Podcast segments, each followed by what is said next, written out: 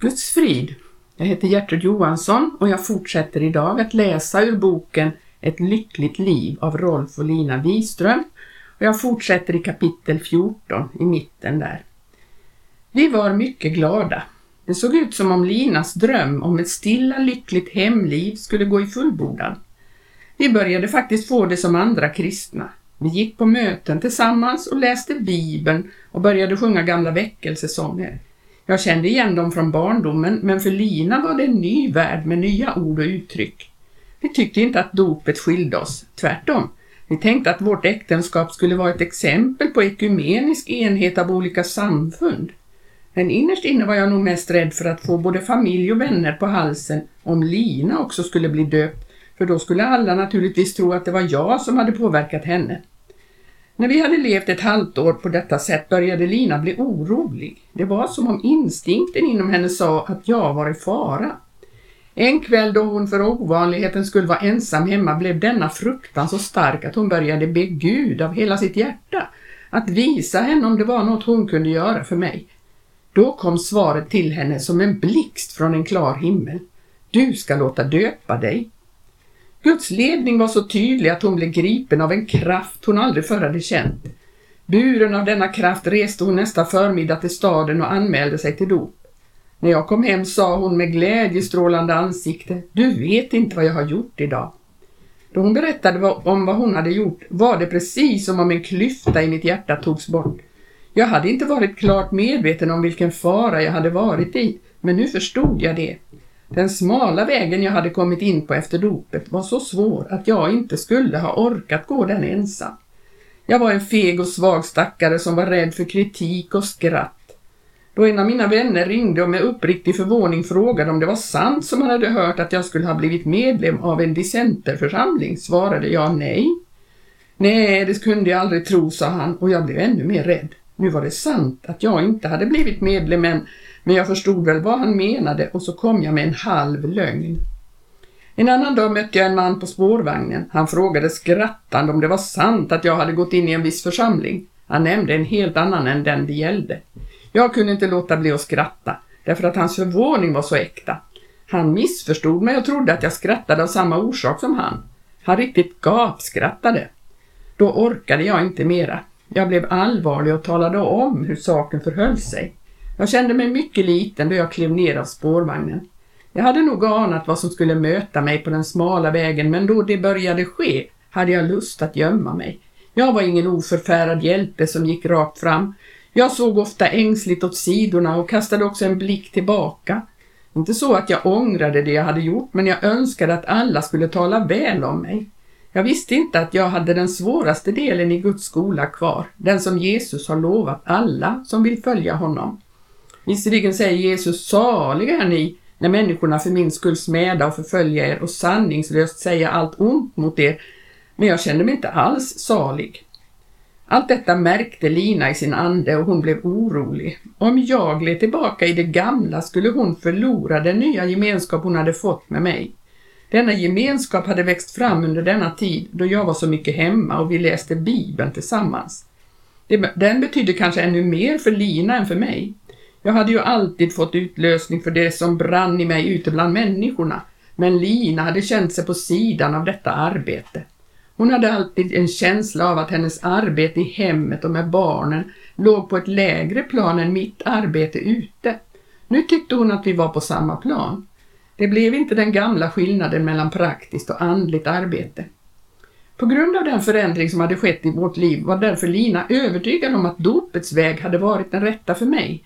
Nu visade Gud henne att det enda sättet varigenom hon kunde bevara denna nya gemenskap var att gå samma väg. Det var en vecka tills Lina skulle döpas och det blev en fruktansvärd vecka för henne. I tro på Guds ledning hade hon handlat raskt med en stark känsla av att det var farligt att vänta ett ögonblick när Gud hade talat. Det gick så hastigt att hennes naturliga reaktioner kom först efteråt. På den ena sidan stod denna nya gemenskap som helt överraskande hade kommit till Lina ovanifrån som en gåva. Denna gemenskap ville hon behålla. På den andra sidan stod fruktan för vad familj, släkt och vänner skulle säga. Och inte bara det. Hennes gamla skräck för det mystiska och övernaturliga som en gång hade drivit henne till att läsa Bibeln Kom nu tillbaka. När någon talade i tungor på mötena klamrade hon sig fast i stolen och darrade av fruktan för att detta okända skulle hoppa över på henne också. Hon slets mellan dessa två sidor och kom i en sån kris att hon stampade i golvet och sa att hon inte ville in i detta. Här kunde jag inte hjälpa henne. Det var samma kamp som hon tidigare hade haft då hon lämnade sitt liv åt Gud. Det var som om Gud tvingade oss in i detta mystiska och okända och det enda sättet att lära känna det till botten var ju att gå helt in i det. Det fick vi också senare erfara.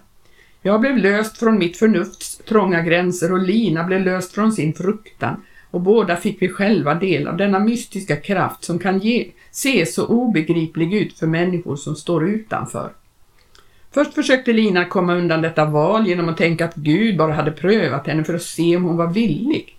Då Gud nu hade sett hennes villighet så fordrade han inte mer. Men denna tanke lugnade henne inte. Gud hade ju inte fordrat något av henne alls. Det var hon själv som hade gripit den chans som Gud gav henne genom sin ledning. Nu berodde det bara på henne om hon ville fullfölja loppet. Då sa en man i en predikan att många människor ger Gud löften om de bara får det de ber om. Men när Gud har givit det så glömmer människorna att betala priset. Men du ska betala priset, sa predikanten. Det var en pil från Guds båge som gick rätt in i Linas hjärta. Det blev slut på hennes motstånd. Hon ville betala priset för den nya gemenskapsgåva hon fått av Gud. Full av frid stod hon en kväll på plattformen iklädd den vita dräkten. Jag kunde inte hålla tårarna tillbaka. Jag tyckte hon såg ut som en ängel med den rena pannan och den stilla ro som vilade över henne. Men när hon steg fram och började tala måste jag titta för att se om det verkligen var min Lina. När hon skulle döpas hade hon bestämt sig för att hon skulle göra som det står i Bibeln om folket som kom till Johannes, vilka lät döpa sig och honom i floden Jordan och bekände därvid sina synder. Lite darrande i början bekände hon sin skräck för alla människor som talade i tungor och sin människofruktan i allmänhet. Efter denna bekännelse blev hon fylld av en frimodighet som jag aldrig hade sett hos henne förut. Hennes röst höjdes så att den kunde höras i hela den stora lokalen. Det var en ny människa jag såg för mina ögon. De verkliga överraskningarna i livet kommer när vi blir villiga att lyda Gud. Dopet var för oss båda ett steg i tro. Vi sa till varandra att en gång i framtiden skulle vi få se betydelsen av detta steg. Det la grunden till vår fortsatta vandring på trons väg och det gav oss ännu djupare respekt för Guds ledning, denna ledning som så ofta går emot vårt förnuft men som aldrig går emot Bibeln. Kapitel 15 Tungotalets under Min övergång från ateismen till kristendomen hade skett genom en hel del lydnadshandlingar. Jag hade fått ett praktiskt bevis för att Gud talar till människan. På ett för mig själv överraskande sätt hade jag kommit förbi de stora intellektuella svårigheter som förr stängde vägen in i trons rike. Min tro hade uteslutande byggts upp på dessa erfarenheter. Jag hade aldrig försökt tvinga mig till att tro på saker i Bibeln som jag inte förstod. Men den väg jag hade gått hade gjort en hel del sanningar i Bibeln levande för mig. Dock var jag inte omedveten om att det fanns mycket kvar som jag inte kunde förklara. Men jag ville inte, som jag gjorde i min ateistiska tid, säga att det var sagor och dikt. Jag hade ju erfarit hur Bibeln gradvis hade öppnat sig för mig då jag hade blivit villig att lyda Gud. Men kristendom är något mer än viljans överlåtelse och lydnad. Man kan inte läsa evangelierna utan att stöta på en värld som bryter med våra vanliga erfarenheter och vårt förnuft.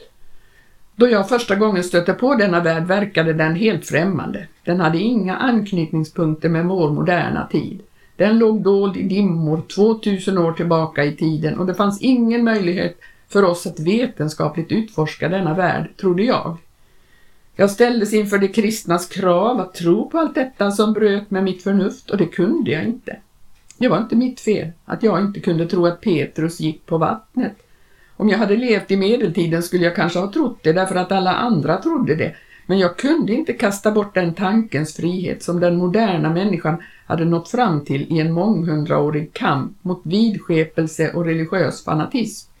En kamp som hade krävt sina martyrer. Därför hade jag ingen konflikt mellan tro och vetande. Jag kunde inte acceptera någon annan tro än den som är byggd på vetande. Även om jag i min ande kunde bli gripen, jag skakad av tungotal, så fordrade mitt intellektuella jag en förklaring på fenomenet.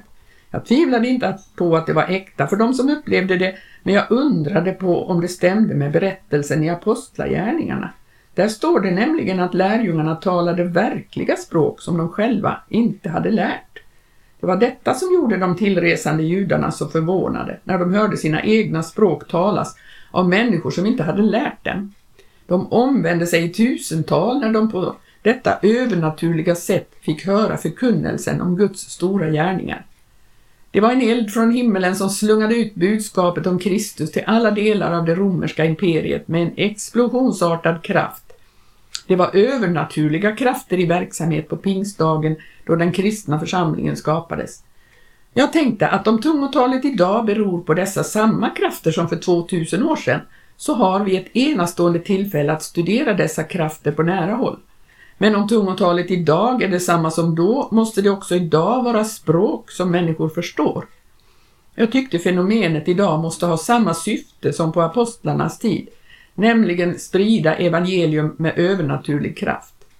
Tungotal har ju förekommit och förekommer också idag bland vilda folkstammar i samband med extas.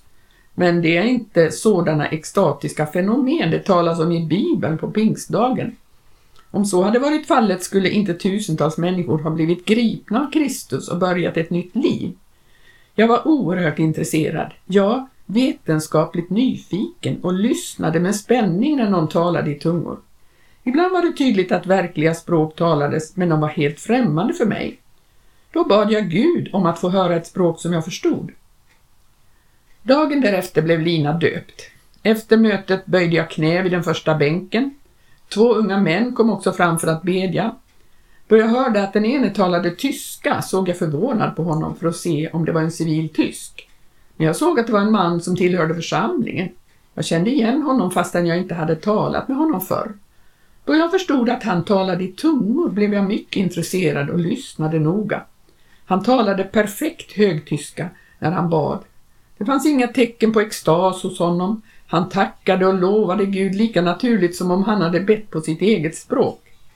Till slut vände han sig mot mig och sa Es ist ein Stein auf de, deinem Wege. Han sade att det var en sten på min väg och att denna sten måste bort. Den andra mannen lyssnade också på honom och sa, han talar ju tyska. Det var det inget tvivel om. Efter bönen frågade jag honom om han visste vad han hade sagt. Han svarade att han hade talat i tungor. Vet du vilket språk du talade? frågade jag. Det visste han inte. Men han berättade att de, då han blev andedöpt fylldes han av en kraft som tog hans talorgan i besittning. Då hade han bett till Gud om att få tala europeiska språk för att det skulle bli till hjälp för någon.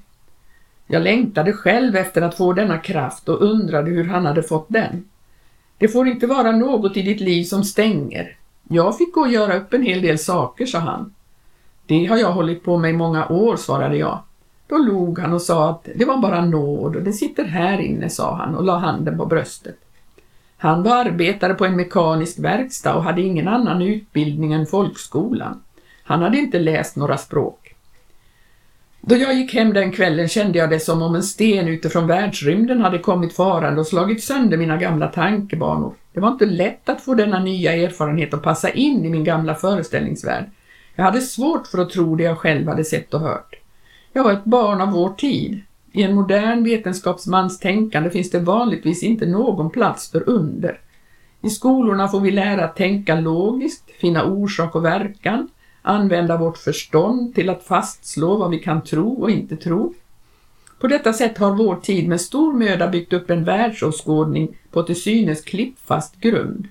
Jag hade aldrig gjort något försök att förena denna filosofi med den värld som möter oss i Bibeln. Jag kunde varken bevisa eller förneka dessa under, men nu hade jag blivit tvungen att acceptera ett sådant under. Det var inte detsamma som att jag skulle tvingas att tro på en diffus sagovärld med tomtar och troll som bara existerar i människors fantasi. Jag hade redan börjat förstå att den bibliska världen är en existerande verklighet och nu kände jag hur mitt förstånds gamla gränser sprängdes och vidgades. Jag förstod hur den tankens frihet jag som modern människa hade varit så stolt över bara hade varit en relativ frihet, en frihet inom vissa gränser. Det sitter här inne, sa den unge mannen som talade tyska i tungor utan att ha lärt sig språket och pekade på hjärtat. Vi brukar sätta fingret mot pannan och säga det sitter här inne. Det är skillnaden. Vi räknar inte med annat än det som ryms i hjärnan, men hur god den än kan vara är den troligen mycket begränsad.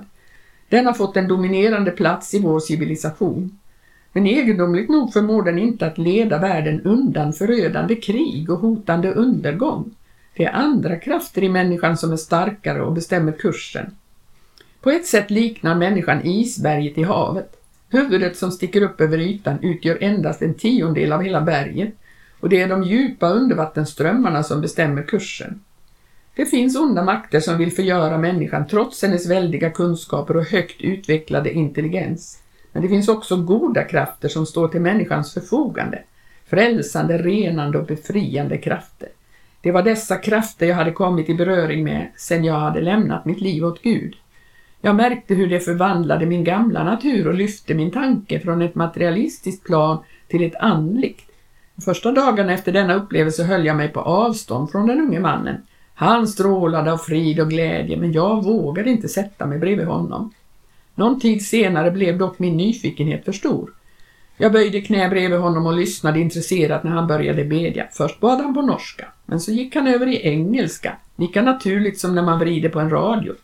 Han sa också något på franska. Hans uttal var perfekt. Språket bara strömmade fram från hans innersta hjärta med innerlig hängivelse och tacksamhet till Kristus.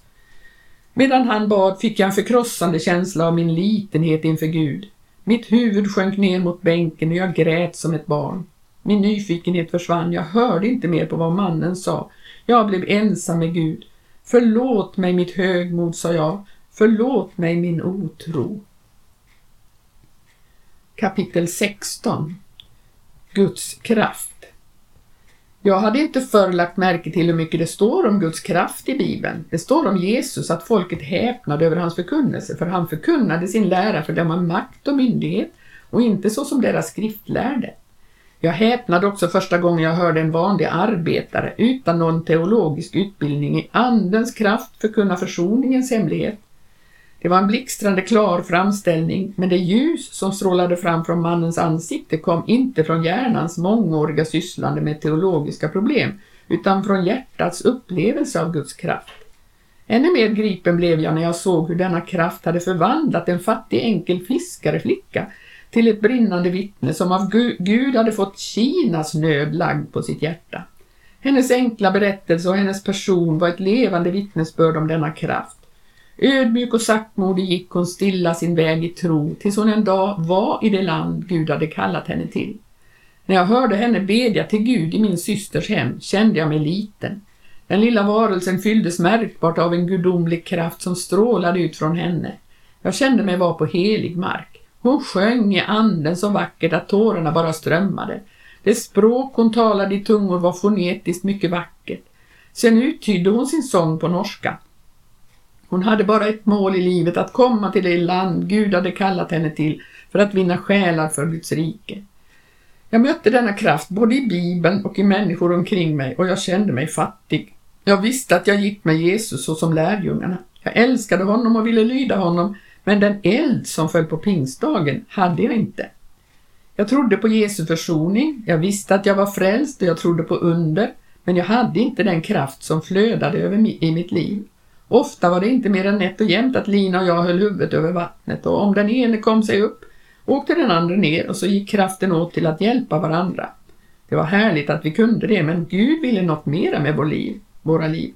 Skrattande jämförde vi oss med pedalerna på en cykel. När den ene var uppe var den andra nere och så fortsatte det. Vi visste att om vi skulle komma helt in i Guds plan med våra liv så måste vi få Guds kraft till full seger så att vi med all frimodighet skulle kunna gå ut och förkunna Guds stora gärningar. Vi bad och läste och gjorde som Jesus bjöd lärjungarna före sin himmelsfärd. Lämna inte Jerusalem utan förbida där vad Fadern har utlovat, det varom ni har hört av mig. Till Johannes döpte med vatten, men få dagar härefter ska ni bli döpta i helig ande. Jag fick en djup längtan efter att bli döpt i helig ande, men hur det skulle ske kunde jag inte begripa. Jag gick till mötena med en spänd förväntan om att det skulle ske där, men jag blev bara mer tom.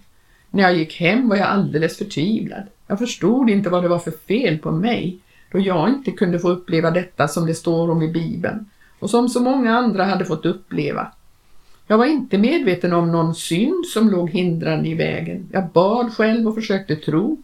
Andra bad också för mig, men det var som om jag vore immun mot andens dop. När två år hade gått på detta sätt gav jag upp. Då kom mitt hjärtas innersta tanke i dagen och det var att jag egentligen aldrig hade kunnat tro att jag med min skeptiska natur skulle kunna få en sån övernaturlig upplevelse. Det kunde gå för människor som inte var så genomreflekterade, men inte för typer med en så realistisk och intellektuell läggning som jag. Lina varken längtade eller ansträngde sig som jag gjorde. Efter sin bekännelse då hon blev döpt hade hennes rädsla för det övernaturliga nog givit vika, men borta var den inte, därför så satt hon ganska stel i mötena och vågade knappt se sig omkring. Då hände sig under ett möte att predikanten talade om kristendom i vardagslivet. Strax kände Lina sig hemma och nickade ivrigt till honom. Ju mer han talade om hur nödvändigt det är att leva efter det man lär, desto mer ivrig blev Lina. Hon glömde alldeles bort människorna omkring sig. Till slut blev hon så glad att hon började skratta. Nu var det inget vanligt skratt, det var en himmelsk glädje som fyllde henne. Hon kände också hur tungan började forma nya ord. Men det kom hon att tänka på först efteråt. Det var så gripande och heligt att jag inte vågade se på henne. Mer och mer befriad blev hon och allt högre skrattade hon. Till slut had, satt hon med hatten i nacken och skrattade och jublade så det hördes över hela lokalen. Och predikanten kunde, kunde knappast fortsätta tala. Men människorna runt om tackade och prisade Gud. Och detta var den rädda, stela Lina som var så ängslig för att väcka uppseende. Hon ville helst att vi skulle bedja hemma i frid och stillhet. Hon tyckte det var förfärligt att hon hade ställt till med en sån offentlig skandal. Men jag tänkte, ack om det bara hade varit jag. En kväll då vi bad hemma i vårt lilla kök var det precis som om hon skulle ha fått en elektrisk stöt i huvudet. Den gick tvärs igenom henne och jag fick också min del. Den fruktan som alltid hade legat djupt i hennes hjärta och bundit henne steg nu helt upp till ytan och jag blev först förtvivlad och sa nu då Gud vill lösa dig helt så blir du rädd. Men när jag förstod hur djupt rotad denna fruktan var och vilken hemsk makt den var i hennes liv var det min tur att bli rädd. Den moderna psykologin har mycket att säga om fruktans makt i människans liv. Det går inte att få bort den med logik och förnuftigt resonemang. Hur civiliserad den moderna människan än är sitter det ofta ett barn som fruktar mörkret inne i hennes hjärta. Jag gick bort till henne och tog hennes huvud i mina händer och bad för henne som för ett skrämt barn. Då blev hon lugn och fylldes av en stor stilla frid. Det blev plötsligt klart för henne att denna fruktan inte var från Gud. Tvärtom, Jesus var ju kärlek och frid och det var inget att frukta för. När hon hade tänkt på andedop hade hon blivit förlamad av rädsla, men nu öppnade hon sitt hjärta för Jesu gode helige ande. När hon kände hans underbara frid och kärlek fylldes hon av glädje och tacksamhet. Hon var så lycklig att hon måste sjunga. Vi satte oss bredvid varandra och sjöng en sång och då vi hade sjungit knäppte hon sina händer och började tacka. Hon hade inte sagt många ord på norska förrän hon gick över till ett helt annat främmande språk. Rösten och tonhöjden var detsamma. Jag såg på henne att hon inte märkte att hon talade ett annat språk. Hennes ansikte lyste av frid och lycka. Hon var fylld av Jesu ande. Kärleken hade drivit ut fruktan. Detta var andedopet som hon hade varit så rädd för därför att hon hade trott att det var något helt annat. Hon såg leende upp på mig och sa förvånat, tänk, jag talar i tungor. Jag satt med tårar i ögonen och kunde inget säga. Hon såg ut som en ängel när hon bad. Det hela hade varit som en fläkt från himlen. Från den stunden sa Lina alltid, kristendom är kärlekens och fridens evangelium. Det syntes på henne att hon visste vad hon talade om och det hon hade övertygade mer än hon sade. Under dessa två år då jag längtade efter att bli döpt i den heliga Ande förstod jag att det var något i mig som hindrade mig från att bli helt fylld med Jesu Ande. Det var ingen bestämd synd, men det var något i min natur som inte var krossat. Jag kände det, men jag kunde inte göra något åt det. Jag var stark i mig själv, men Gud bor i ett ödmjukt förkrossat hjärta. Jag talade om min djupa längtan för en god man och frågade honom vad jag skulle göra. Han såg på mig och sa, Gud ska snart leda dig in i en sån situation så att du får det du längtar efter. En kort tid därefter blev jag djupt förkrossad. Det var förfärligt. Jag var i mitt hem den söndags eftermiddagen då det skedde. När jag blev ensam kom Lina in. Hon såg att jag var hjälplös och förstod att jag skulle gå under på denna lidandets väg om inte Gud gav mig kraft. Hon tog mig i handen och reste mig upp och sa, du får inte stanna här, du måste gå vidare. Så ledde hon mig ut i köket och där böjde vi knä. Mina krafter var borta, min starka natur var krossad. Det blödde i mitt hjärta som från ett öppet sår. Men jag hade inga reaktioner mot någon, ingen bitterhet, inget hat. Jag visste att det var Guds svärd som hade trängt in i mitt hjärta för att ge mitt eget stora jag dödsstöten. Då knäppte jag mina händer och sa stilla, tack käre Gud för att jag i alla fall är frälst. Då kände jag en underlig ström genom huvudet och ryggen. Jag visste inte vad det var och det skulle just säga det till Lina men jag hann inte mer än säga ett par ord. Då kom strömmen åter med våldsam kraft. Den fyllde hela mitt, min varelse och nu fanns det inget som hindrade den. Tid och rum försvann för mig. Jag badade i himmelskt ljus och mitt hjärta höll på att sprängas av överjordisk glädje. Detta underbara ljus strömmade ut från öster som när solen går upp, men den ljuskälla jag såg var Jesus. Jag kunde inte stå på mina fötter utan föll ner med ansiktet mot golvet i absolut tillbedjan av herrars herre och konungars konung. Då märkte jag att runt omkring mig så långt ögat kunde nå låg vitklädda varelser och tillbad. Det var vita, svarta, gula och bruna från alla folk och stammar och jag fick vara med. Jag var så överlycklig att jag inte visste hur jag skulle kunna ge uttryck för min tacksamhet och lovprisning. Det bara strömmade ut från mitt hjärta. Då jag så småningom blev medveten om vad jag gjorde böjde jag mig upp och ner med pannan mot köksgolvet och prisade Gud. Jag talade ett främmande språk men det var så naturligt att jag inte tänkte på det. Jag var bara fylld av en tanke. Jesus är konung. Jesus sitter på tronen. Jesus har segrat. Borta var lidande och död, borta var smälek och skam. Jag såg den uppståndne i all hans härlighet. Det var som om slöjan som hade dolt denna himmelska verklighet för min syn hade brustit och jag fick se in i det som verkligen skedde i världen. Jag blev lyft upp ur denna värld, ur krigets, våldets, hatets och hämndens atmosfär, in i försoningens, fridens och glädjens eviga rike. Det var detta som skedde då jag blev andedöpt. Jag fick se Guds plan och centrum i den, Jesus Kristus. Allt annat i världen blev betydelselöst för mig. Glädjen som fyllde mig var så stor att jag ibland fick hålla handen för munnen för att inte ropa högt när jag cyklade på gatan. Jag kunde inte läsa en tidning, bara Bibeln, men den lyste som eld från dess blad. Det var mycket egendomligt att uppleva denna klarhet i Guds ord. Guds ande öppnade skrifterna för mig på ett nytt sätt. Hade Lina och jag haft gemenskap förut fick vi det mycket mera nu. Vi smälte fullkomligt ihop i anden. Hennes självmedlidande blev helt borta. Vi blev fyllda av en sund, sann optimism. Vi fick tro på kärlekens seger mitt i en värld som såg ut att gå under i hat. Vi kände oss till och med föryngrade till kroppen av Guds kraft. Vi fick detta gudomliga kraftöverskott som vi förut hade saknat.